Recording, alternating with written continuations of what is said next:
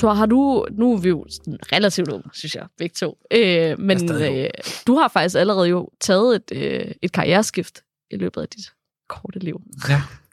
Ja, øh, jeg har i hvert fald gået fra at have undervist øh, i folkeskole og på gymnasie, øh, og så fik jeg en stilling her i HK, som øh, vel og mærke har lidt undervisning i sig, men øh, hvor der godt nok også er meget andet arbejde, øh, jeg ikke øh, har været vant til før. Så jeg føler i hvert fald, at jeg har haft den der med allerede nu i, i en alder af 30, og har haft et stort skift. Øh, ja. Og det er noget af det, vi skal snakke om i dag, er det her med at tage øh, karriereskift, og det er noget, man også kan gøre, selvom man er ung. Vi skal møde øh, Holly Kok, som tidligere var frisør, men nu er i gang med at uddanne sig som administrationsøkonom, og så skal vi ud, øh, hvad hedder det, møde Louise Tejl Bok, som er leder af HK's karrieretelefon. Jeg hedder Augusta Palm. Og jeg hedder Thor Ekberg Bunde. Du lytter til et fucking arbejdsliv. Og vi starter ved dig, Holly. Du er 32 år, og før var du frisør, og du har haft egen salon, og du blev uddannet, da du var, hvad, 17? Jeg startede, da jeg var 17, og færdiguddannet, da jeg var 21, ja. Og hvor mange år nåede du så at være frisør? Jamen, færdiguddannet, uh, det er jo så tilbage til 11, det er jo 11 år. Ja.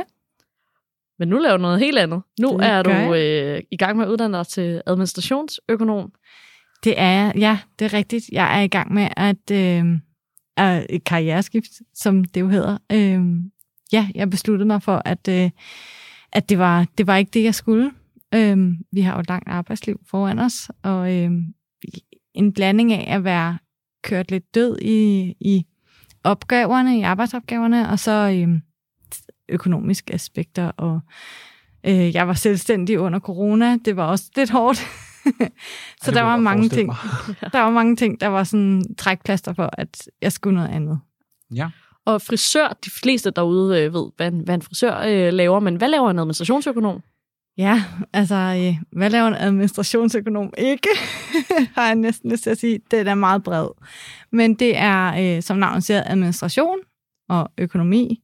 Og så er der en del jura indover, øh, i form af personalejura og kommunal- og udbudsret og forvaltningsret.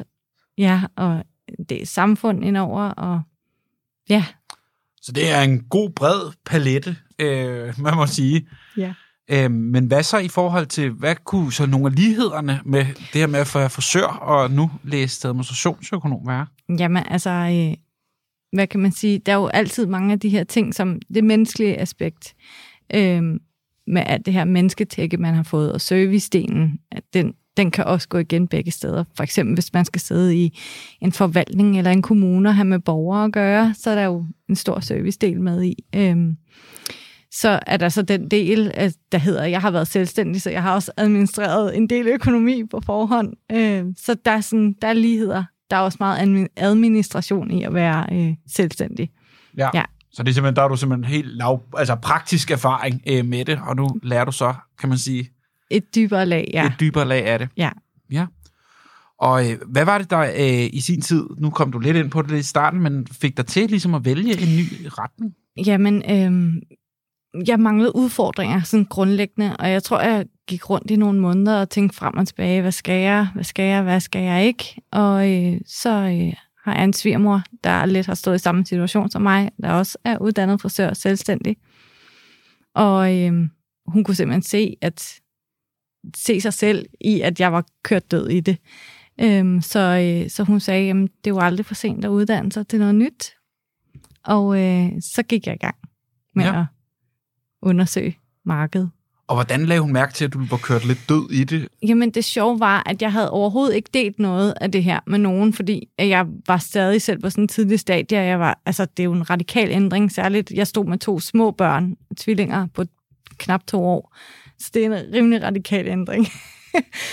øhm, og øh, jeg tror bare, hun kunne se det på mig, og hun kunne høre altså, på måden, jeg talte om arbejdssituationen og sådan noget. Og hun kunne genkende sig selv, at det der med, at det er hårdt at stå alene, øhm, og det er hårdt at skulle øh, varetage sin egen økonomi på den måde. Særligt, nu havde jeg jo så corona som udfordring, øh, der gjorde, at det hele kørte lidt op og ned, men, men hun kunne se, at det var lidt hårdt.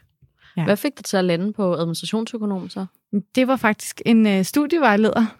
Øh, jeg gik selv i tankerne om, det skulle være noget kontorelev eller noget i den stil. Og så snakkede jeg med lidt forskellige studievejledere, og hun henviste mig så til den her uddannelse, som jo er rimelig ny, øhm, og var sådan, den synes hun kunne være en god, øh, godt alternativ. Især, øh, jeg havde jo krav om, at det skulle heller ikke tage seks år at uddanne mig. Det måtte ikke tage for lang tid. Jeg stod der med to små børn, og øh, skulle også på et eller andet tidspunkt have en nogenlunde indkomst igen.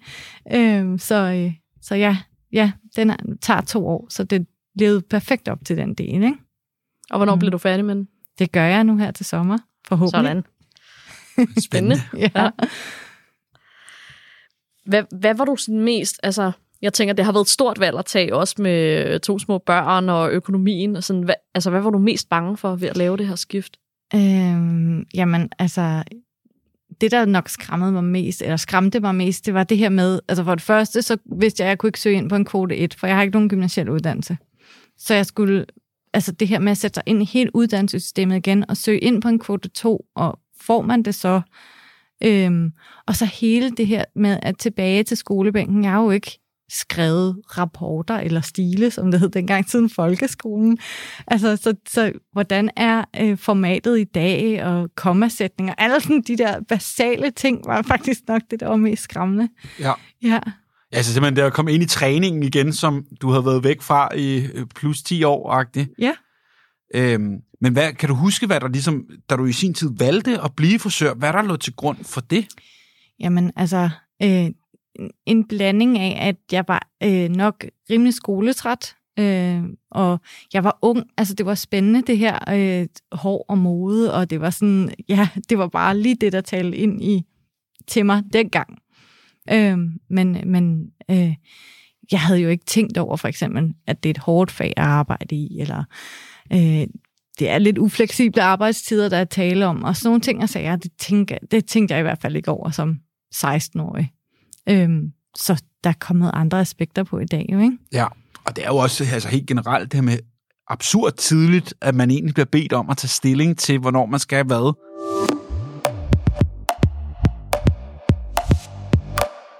Vi skal også have introduceret den næste gæst i studiet, Louise Tejl Bok. Du er leder af HK's karrieretelefon, og øh, kan du ikke komme med nogle, øh, ja, nogle råd til, sådan, hvad, hvad er en god idé at gøre, hvis man gerne vil gøre ligesom Holly og skifte spor? Jamen altså, øh, ja, Holly, hun gør det helt rigtigt. Det er en super inspirerende fortælling, du kommer med, Holly. Og øh, man kan sige, det der, det der sådan er, er gode veje, når man gerne vil skifte spor, der sådan, plejer at sige, der er sådan tre broer, man, man sådan kan bygge på. Og det ene, det er lige præcis som du har gjort, at tage noget uddannelse.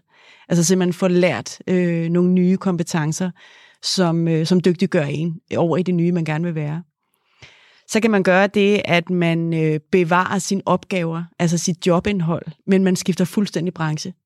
Så hvis man nu sidder i noget administration i en sundhedssektor for eksempel, men så vælger over i en, en helt anden type branche, så får man jo også nogle nye kompetencer i den nye branche ved det nye branchekendskab.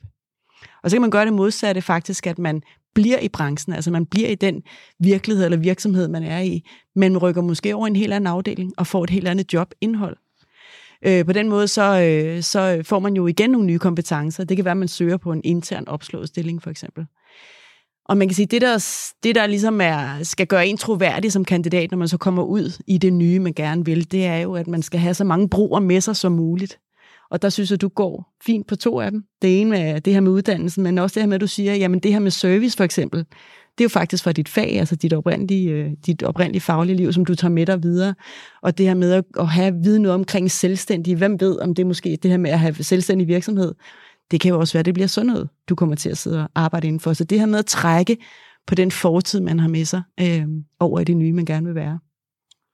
Og nu siger du det her med, at der er flere brugere, hvis man stadig sidder med ønsket om at skifte branche, men måske kun har en af de her brugere. Hvorfor er det, man skal bruge flere i, i bedste fald, kan man sige? Jamen, altså det, det er jo det her med at være troværdig i en arbejdsgivers øjne. Altså en arbejdsgiver, som skal ansætte sådan en som Holly, skal jo have en øh, klar oplevelse af, tror vi på, at hun kan det her nye, hun gerne vil være? Tror vi på, at hun gerne vil det? Og tror vi på, at hun sådan har en god forestilling om, hvem vi er? Også fordi vi jo er noget andet end det, hun kender til i forvejen. Så man kan sige, den, den troværdighed eller den tillid skal man jo have bygget op over for den nye arbejdsgiver. Og så vil jeg sige, så skal man også, øh, det her med brugerne er jo også noget, der kan komme gradvist. Altså man kommer sjældent fra A til Å øh, i et skridt. Det kan godt være en proces, hvor man starter i et, i et, mellem, i et mellemtrin eller et mellemjob. Man har måske et job i to-tre år, hvis man nu ikke tog uddannelse fuldtid, som du gør. Øh, så kan man jo godt skifte hamp sådan lidt gradvist, og så sige, jamen nu søger jeg et job, hvor jeg får noget af det nye med mig. Og så er jeg her simpelthen for at lære det her nye, som jeg så kan søge videre med. Altså den taktik eller strategi må man jo godt have med sig, give den fuld skrue til tre år, og så begynde at søge videre med det nye, og på den måde sådan gradvist flytte sig. Så man skal nok tænke for mangens vedkommende, jamen det kan være sådan et to job, eller en uddannelse og et job, før man kan mærke, at man lander derover, hvor man egentlig gerne vil oprindeligt. Ja, det kan jeg da i hvert fald genkende selv. Jeg startede som lærervikar, og så blev det så øh, folkeskolelærer, og så gymnasielærer, ja, eller sådan, så det, bare mit første valg kunne jeg ligesom også gøre den der vej. Ja. Hvis man gør det her, som Holly har gjort med at tage en ny uddannelse, hvad skal man så være opmærksom på? Jamen altså, der har Holly jo også gjort sig de overvejelser, som jo, altså overvejelse nummer et er for rigtig mange af os jo økonomi. Altså er det her noget, vi har råd til? Fordi at gå på SU er jo for nogen, eller for de fleste, en nedgang. Hvis man kommer fra et fuldtidsbetalt job, så er det jo en nedgang i løn, der er ret mærkbar. Og det kan mange af os egentlig godt, hvis vi prioriterer og finder ud af, jamen, hvor længe kan vi holde til det her. Men det kan vi måske godt i for eksempel to år, som du har valgt. Så øh, man skal i hvert fald kigge på det økonomiske, ikke? Og så skal man jo øh, kigge på, øh, på det her med, er der noget netværk eller noget, der kan støtte op om mig i den tid, det tager. Jeg kommer jo ud igen på arbejdsmarkedet. Så en som Holly, hun får jo ikke lov at gå. Altså, særlig længe, når hun er færdig, så bliver hun revet væk. Så, øh, så det er jo for en stund. Det skal man vide. Så der er sådan noget med netværk. Hvordan er mit liv etableret? Kan det hænge sammen for mig? Er det økonomisk? Er der en eller anden form for perspektiv i det her, som jeg kan se mig selv i? Ikke? Nu er vi lidt inde på det her med økonomi, og jeg kommer meget til at tænke på, når jeg tænker på det her med karriereskift. Øhm, starter man ligesom fra nul øh, lønmæssigt, altså anciennitetsmæssigt, hvis man skifter branche for eksempel, eller hvis man skifter fag? Hvordan kan man ligesom hive, hive sin løn med? Ja, det, det, vil være, det, det vil være lidt forskelligt, fordi det kommer også lidt an på, hvad det er for en branche, man, øh, man ender i. Øh, fordi for nogen vil der være noget erfaringskompetence, øh, altså noget ancienitet, som, som Holly jo ikke har erhvervserfaringsmæssigt. Og så alligevel måske kan man jo godt argumentere for, at du har noget af det, kvæg din, øh, dit arbejde med økonomi og være selvstændig og skulle administrere en masse, øh, tilrettelægge en masse øh, dagligdag og hverdag og indkøb til sådan en, øh, til sådan en salon, forestiller jeg mig. Øh, men, men andre gange kan der jo være en efterspørgsel. Øh, vi ved for eksempel, at arbejdsmarkedet lige nu kalder rigtig meget på folk med øh, kompetencer inden for økonomi. Og øh, det kan jo godt betyde, at der er en efterspørgsel, der er så stor, at man også er villig til at betale for at få den. Så øh, det vil afhænge af, hvad det er for en branche, og hvad det er for en sektor osv., man søger ind i.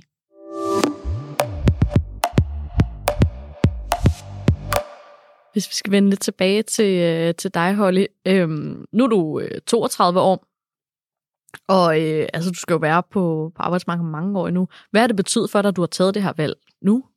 Jamen, det har jo gjort, at øhm, altså, jeg sikrer både interessemæssigt, og så fordi det er hårdt at være i et håndværkerfag, så også sådan mere kropsmæssigt, at jeg kan holde ud og være på et arbejdsmarked i et længere tid. Øhm, ja, øhm, og netop det her med, at jeg kan søge nye udfordringer nemmere, end, end hvad jeg kunne før. Jeg føler i hvert fald, at jeg er mindre fastlåst, hvilket også gør, at det er mere attraktivt at være på arbejdsmarkedet længere tid. Mm. Ja, man kan også sige, at det så, og kan man sige, gå for håndværker til en af de her øh, kortere videregående uddannelser, så er der jo også videreuddannelsesmuligheder, hvis man vil det på et endnu senere tidspunkt, eller Lige præcis. altså det der med, der er også, paletten åbner sig på en eller anden måde også lidt op med nogle af de der valg, ikke? Lige præcis, det her med, altså jeg kan både gøre det inden for, hvis jeg har en arbejdsgiver, der er villig til at give mig noget efteruddannelse inden for øh, arbejdsmarkedet, mens jeg arbejder, eller jeg kan vælge faktisk at toppe den op med en bachelor, og så senere hen en kandidat, eller med det samme herefter. Ja. Hvad kunne du drømme om nu, du bliver færdig her til sommer? Hvor vil du gerne arbejde hen? Hvad vil du gerne lave? Ja, altså øh, mit hjerte, det banker lidt for juradelen, så jeg, jeg kunne godt se mig selv for eksempel i en HR-afdeling, eller i en kommune, eller en forvaltning, eller en styrelse, eller noget i den stil. hvor jeg sidder med noget forvaltningsret og noget sagsbehandling og sådan nogle ting. Ja. Hvordan sådan nu, øh, jeg tænker, frisør og jura, det ligger måske lidt, altså øh, det er, ikke, det er ikke en forbindelse, man lige øh, hurtigt laver. Hvad fik dig til at gå vildt meget op i juradelen af administrationsøkonom? Øh, jamen, ja, nej, det er heller ikke en forbindelse, jeg normalt ville sætte sammen, men det er, det, det er simpelthen opstået under altså uddannelsen, har jeg fået øjnene op for det, og hvor spændende det er, og det, hvor logisk det er i min verden. Altså, det ligger til, øh, det ligger tankegangen bag jura, kan jeg godt forstå. Så det ligger, ligger i hvert fald i min form for hjerneforståelse. Jeg, jeg synes bare, det er vildt spændende. Øhm, ja, og meget samfundsfagligt, det er jo også, som også er en del, jeg synes er sindssygt spændende.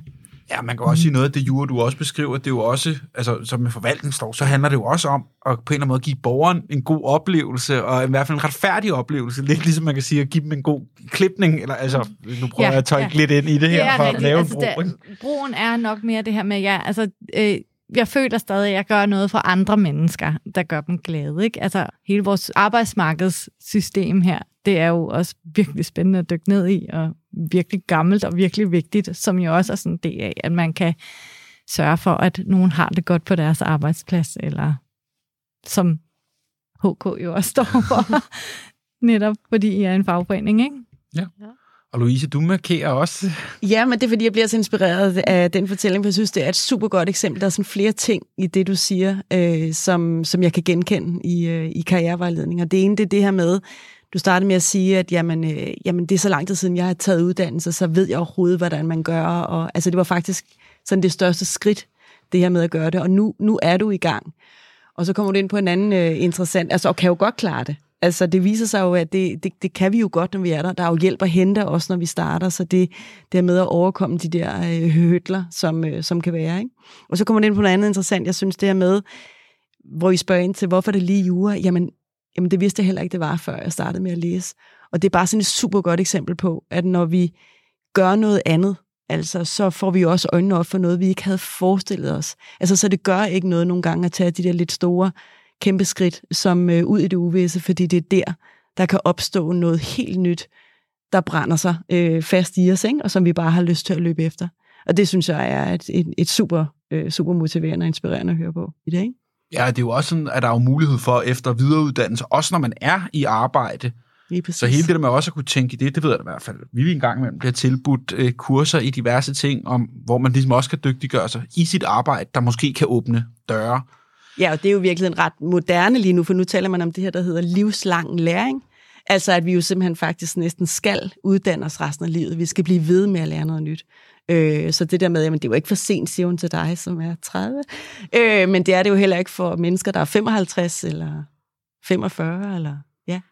Kan der også være en, en bagside af medaljen i det her med sådan uddannelse for livet, og man skal blive ved med at udvikle sig? Altså må man nogensinde læne sig tilbage og sige, nu har jeg bare et arbejde, det Altså, det vil jeg sgu egentlig bare gerne have, og så jeg kan tjene nogle penge og holde fri med mine børn. Øh, skal man blive ved med at udvikle sig? Ja, det er, det er et, et rigtig godt, øh, det er et rigtig godt, jeg, kan sådan lidt, jeg ved ikke, om man kan kalde det et dilemma, men i hvert fald, det er jo der rigtig mange også står, for der er helt klart også sådan en udmattelsesparameter, den kan man også godt, den kan vi godt mærke i øjeblikket i karrierevejledningen. Dermed kan vi, kan vi løbe stærkere, og kan vi udvikle os mere. Der er sådan en, en kontrabølge ikke, lige nu med, at stå af ræset og stå af hamsterhjulet og alt det her. Øh, jeg tror, det handler om at finde en, en god balancegang. Man, man, mange af os har jo også langt et stykke hen ad vejen et arbejde, også for at have et arbejde. Men det skal stadigvæk være noget, vi kan trives i, øh, og vi kan se os selv i. Ligesom da du stoppede op og sagde, at det her, det kan jeg ikke se mig selv i, så skal man jo også gøre noget andet.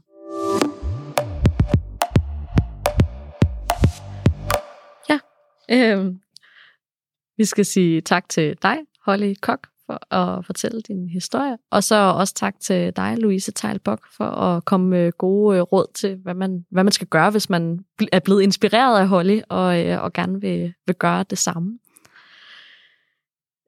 Hvad tager du med fra dagens podcast, Thor? Øhm, jamen, jeg tror, jeg tager med at det her med, det er... Øh, det, altså det, man ikke altid behøver at stå på sin valg helt fra starten, og man sagtens kan finde nye muligheder, og at det der med måske også at være kan man sige, lidt åben for, at, som Holly beskriver det der med, at den retning, man ikke lige umiddelbart så for en, men faktisk godt kan være noget, man lige pludselig brænder helt vildt meget for, Øhm, og så at, øh, jamen, at man skal gøre sådan nogle grundige overvejelser, øh, inden øh, man tager også nogle skifte, som vi jo kan høre, Holly har gjort på mange fine måder. Hvad med dig, Augusta? Jeg blev sådan lidt Øh, jeg tænker meget på det her, som, øh, som Louise sagde, med de, øh, de, de tre broer, man ligesom kan bygge på. Jeg tror, jeg har tænkt meget sådan om, hvis man vil lave et øh, karriereskift, så skal man bare prøve at søge job inden fra en ny branche, og det bliver nok lidt svært. Eller, altså sådan, øh, men at sige, okay, men der er faktisk nogle forskellige strategier at sige, du kan enten uddanne dig, eller du kan skifte branche, eller du kan skifte opgaver inden for samme branche. Det synes jeg, det er, sådan, øh, det er tre gode huskeregler, øh, at så kan man prøve lidt af de forskellige, og se, hvad man kan stykke sammen. Ja, og øhm, husk, at du kan følge øh, et fucking arbejdsliv på Instagram, og du kan sk- også skrive til os øh, med gode idéer til, hvad vi skal snakke om her i udsendelsen på podcast I redaktionen har vi Britt Christensen, Sofie Havn Jensen, Bille Stærl og Annette Claudi. Jeg hedder Augusta Palm. Og jeg hedder Tor Ekberg Bunde, og tak fordi du lytter med.